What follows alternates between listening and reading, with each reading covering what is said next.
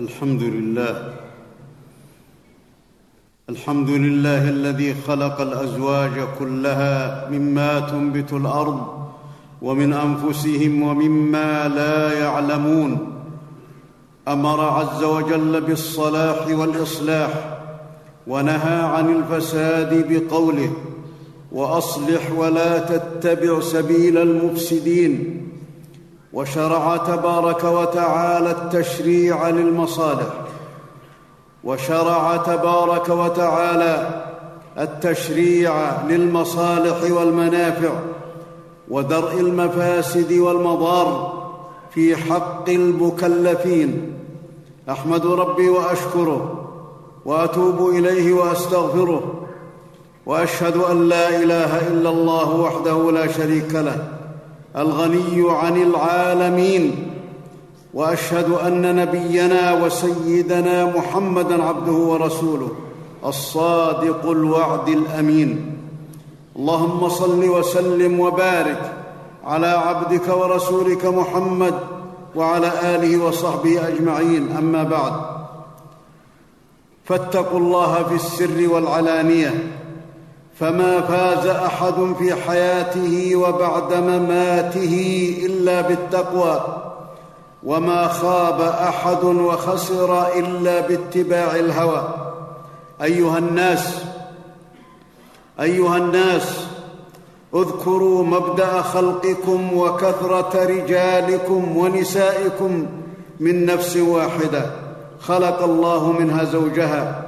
قال الله تعالى يا أيها الناس اتقوا ربكم الذي خلقكم من نفس واحدة وخلق منها زوجها وبث منهما رجالا كثيرا ونساء وقال تعالى هو الذي خلقكم من نفس واحدة وجعل منها زوجها ليسكن إليها ثم جرت ثم جرت سنة الله وش ثم جرت سنة الله تعالى وشريعته أن يقترن الرجل بالمرأة بعقد النكاح الشرعي ليبنيا بيت الزوجية تلبية واستجابة لمطالب الفطرة والغريزة البشرية من طريق النكاح لا من طريق السفاح.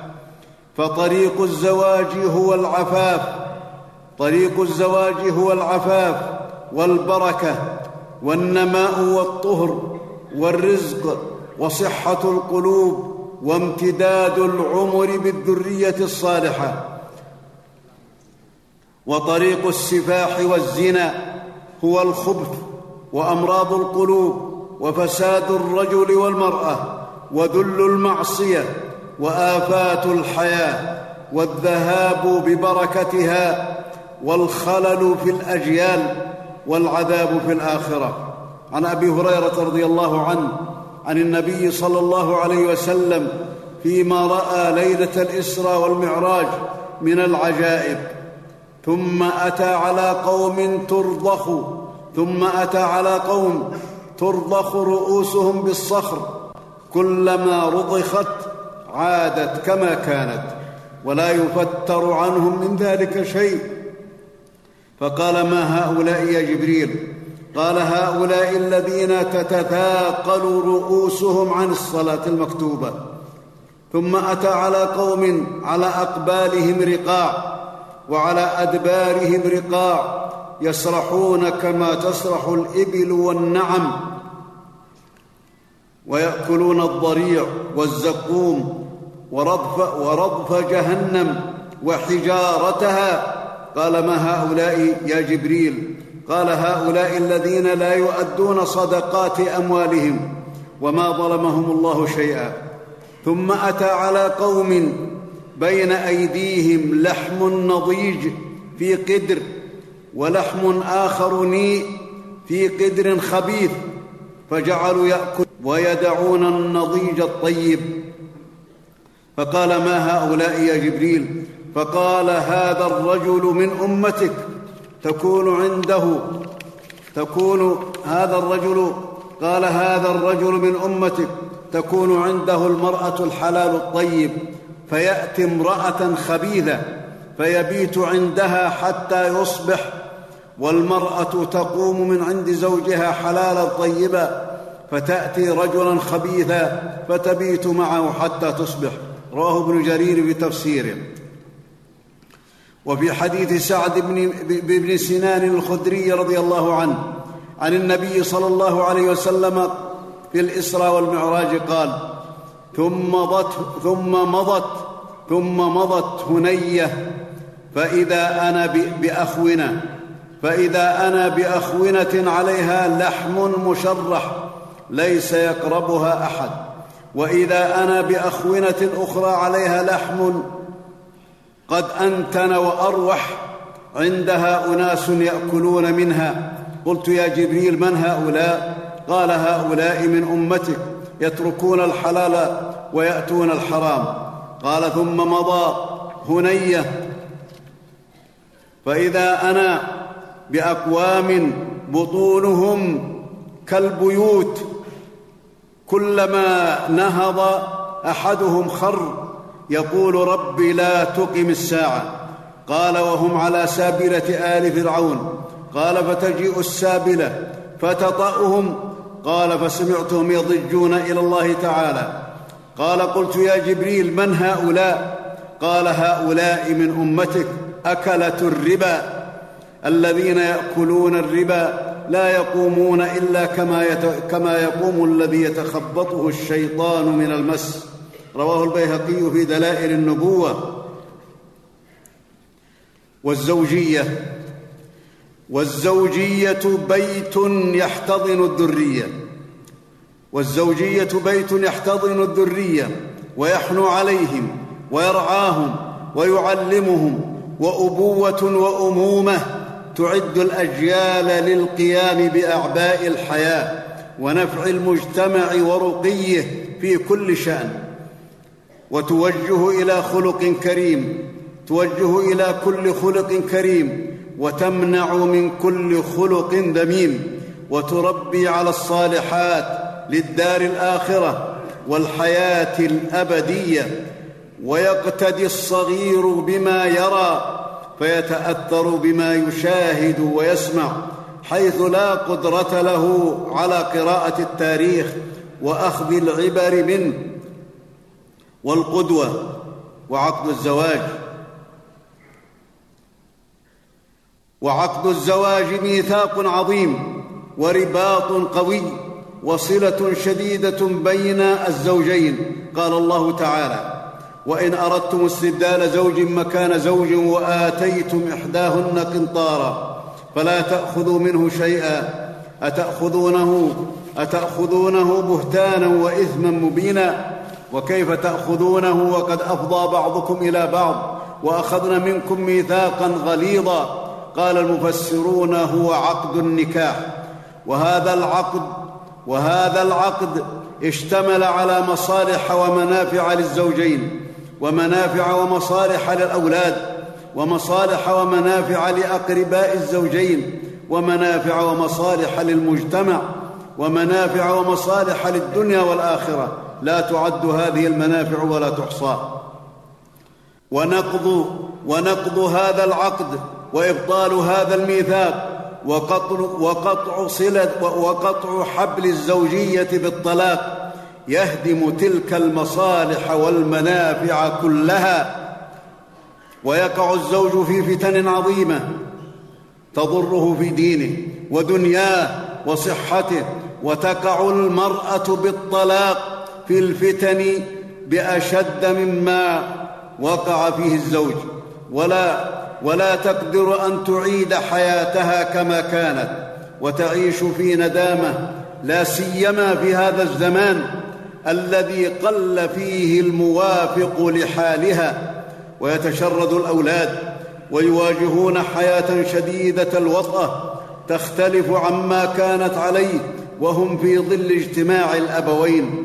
ويفقدون كل سعادة تبتهج بها حياتهم ويكونون معرضين ويكونون معرضين للانحراف بأنواعه المختلفة ومعرضين للأمراض بأنواعها المختلفة ويتضرر المجتمع بالآثار الضارة التي تكون بعد الطلاق وتستحكم القطيعة للأرحام.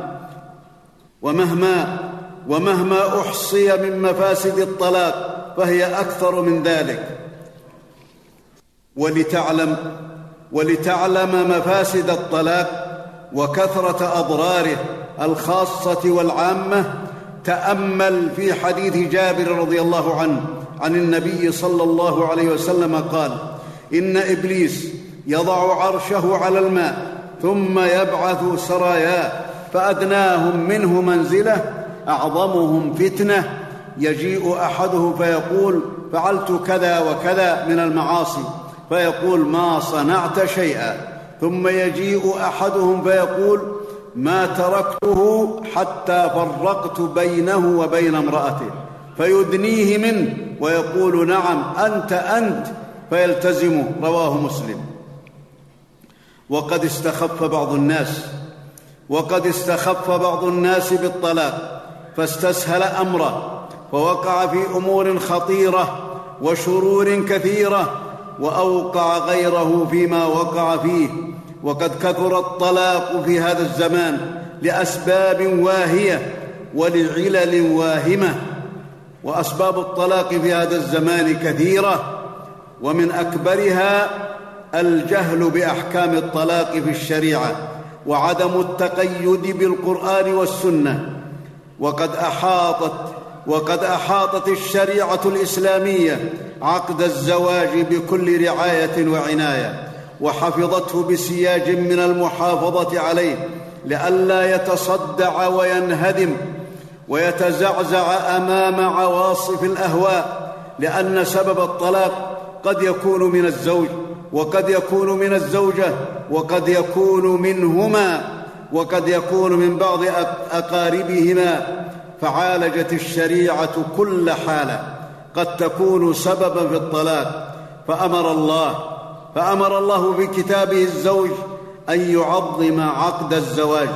قال الله تعالى ولا تمسكوهن ضرارا لتعتدوا ومن يفعل ذلك فقد ظلم نفسه ولا تتخذوا آيات الله هزوا.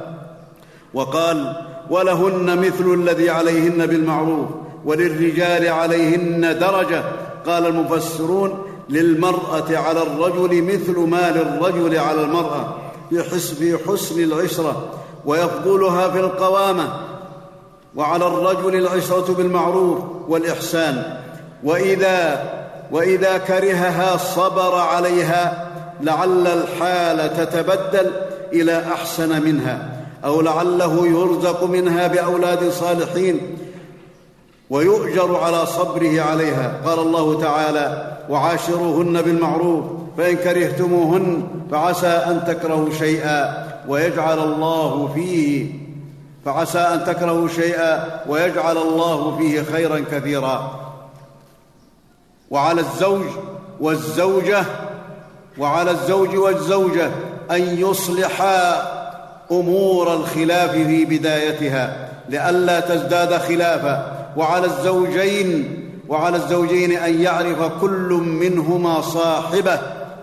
فيأتي كل منهما ما هو أرضى لصاحبه ويجتنب كل منهما ما لا يحب الآخر. فهذا ميسور لا يخفى. ومن أسباب بقاء الزوجية الإصلاح بين الزوجين. من أهل الخير المصلحين حتى يتحقق حتى يتحقق لكل منهما حقه الواجب له على صاحبه. قال الله تعالى وإن خفتم شقاق بينهما فابعثوا حكما من أهله وحكما من أهلها. إن يريدا إصلاحا يوفق الله بينهما إن الله كان عليما خبيرا. ومن أسباب دوام الزواج وسعادته الصبر والتسامح فمرارة فمرارة صبر قليل يعقبه حلاوة دهر طويل. وما استقبلت المكروهات بمثل الصبر. قال الله تعالى إنما يوفى الصابرون أجرهم بغير حساب. والتسامح والعفو تزين به الحياة ويكسوها البهجة ويكسوها البهجة والسرور والجمال. وتندمل به جراح العشرة والتسامح. والتسامح والعفو أمر ضروري للحياة ولا سيما بين الزوجين. وإذا كان في أمور كمالية أو أو في أمور قابلة للتأخير فالتسامح هنا خير للزوجين.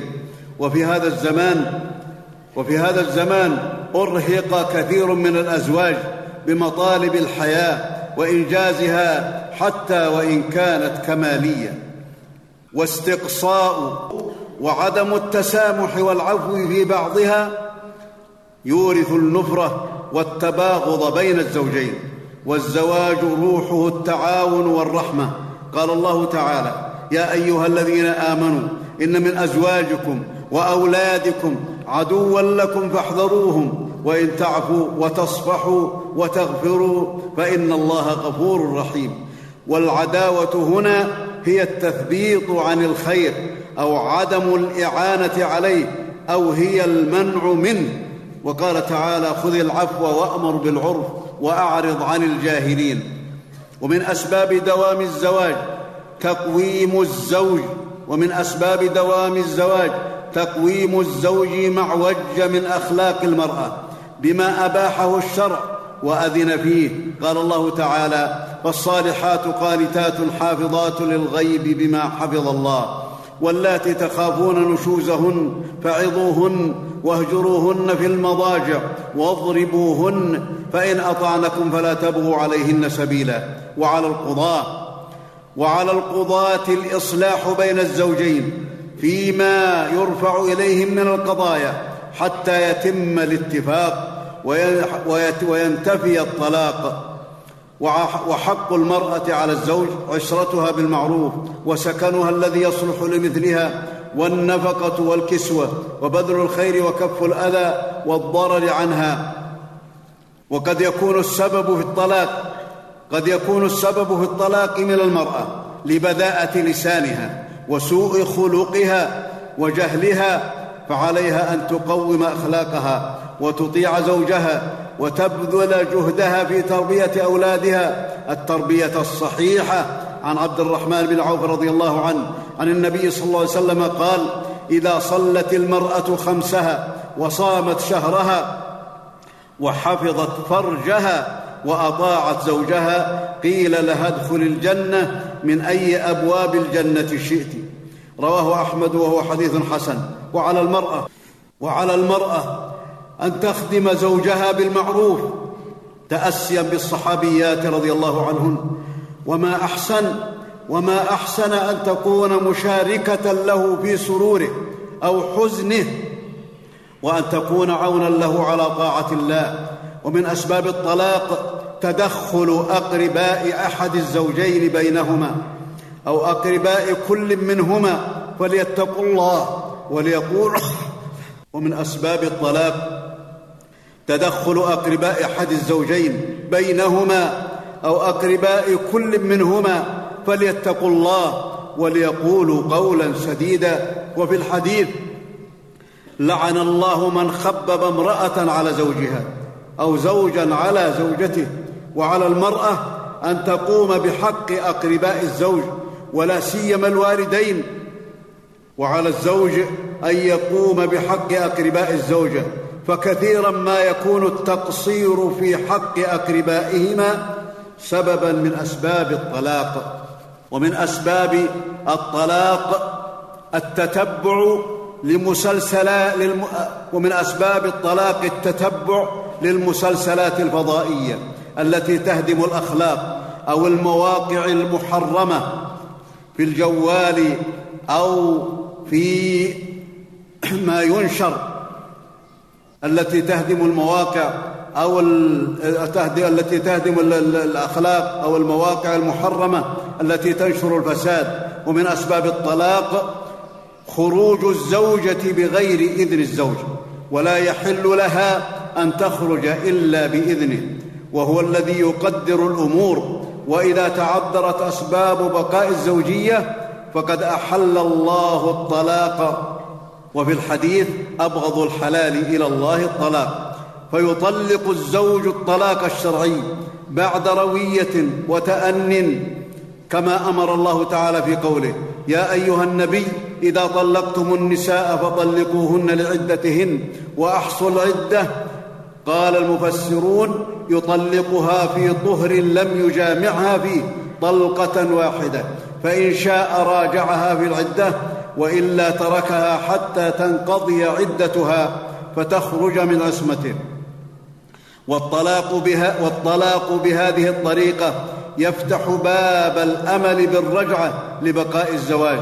أو بعقد جديد ومهر جديد. فانظر إلى تأكيد عقد الزواج.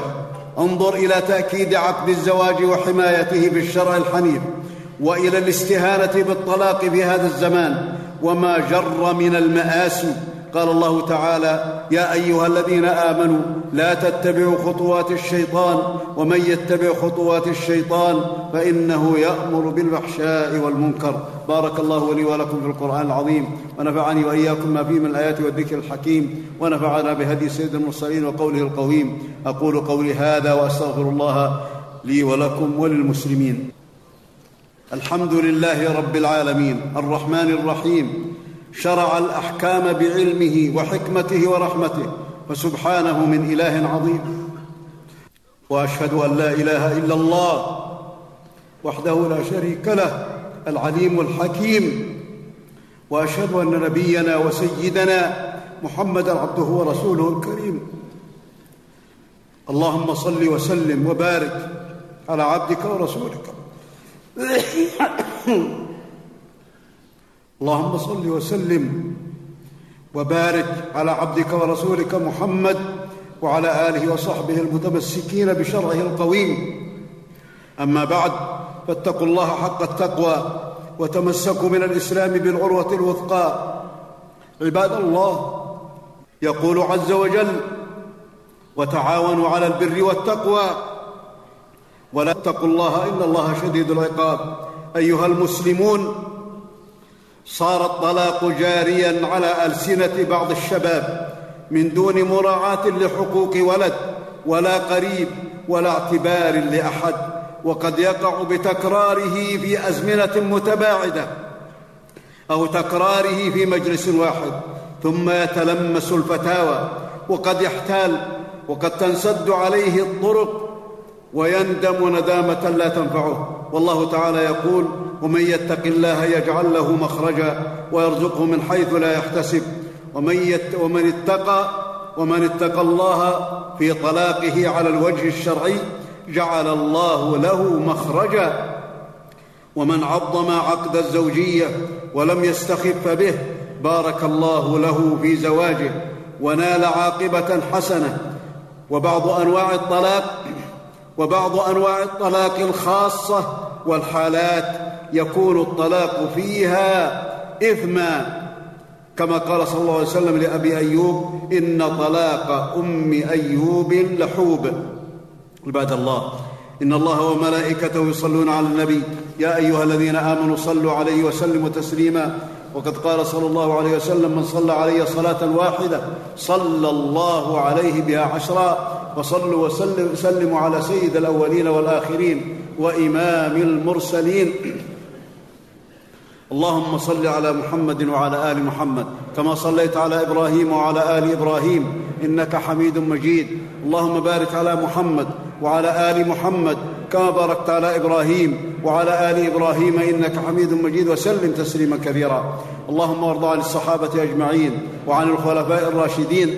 الأئمة المهديين أبي بكر وعمر وعثمان وعلي وعن سائر أصحاب نبيك أجمعين وعن التابعين ومن تبعهم بإحسان إلى يوم الدين اللهم ارض عنا معه بمنك وكرمك ورحمتك يا أرحم الراحمين. اللهم أعز الإسلام والمسلمين. اللهم أعز الإسلام والمسلمين. اللهم أذل الكفر والكافرين يا رب العالمين ودمر أعداءك أعداء الدين. اللهم إنا نسألك أن تغفر لنا اللهم يا ذا الجلال والإكرام اغفر لنا ما قدمنا وما أخرنا وما أسررنا وما أعلنا وما أنت أعلم به منا أنت المقدم وأنت المؤخر لا إله إلا أنت. اللهم أحسن عاقبتنا في الأمور كلها وأجرنا من خزي الدنيا وعذاب الآخرة. اللهم إنا نعوذ بك من زوال نعمتك وفجاءة نقمتك وتحول عافيتك برحمتك يا أرحم الراحمين. اللهم تول أمر اللهم تول أمر كل مؤمن ومؤمنة وأمر كل مسلم ومسلمة برحمتك يا أرحم الراحمين. اللهم ألف بين قلوب المسلمين وأصلح ذات بينهم. اللهم إنا نسألك يا ذا الجلال والإكرام. يا رب العالمين. نسألك أن اللهم انصر دينك نسألك أن تنصر دينك وكتابك وسنة نبيك يا رب العالمين. اللهم فقهنا والمسلمين في الدين. اللهم تب علينا وعلى المسلمين برحمتك يا أرحم الراحمين. اللهم أعذنا من شرور أنفسنا ومن سيئات أعمالنا وأعذنا من شر كل ذي شر يا رب العالمين. اللهم أعذنا وذرياتنا اللهم اعذنا واعذ ذرياتنا من إبليس وذريته وشياطينه وجنوده يا ذا الجلال والإكرام. اللهم اعذ المسلمين من إبليس وشياطينه وذريته برحمتك يا أرحم الراحمين.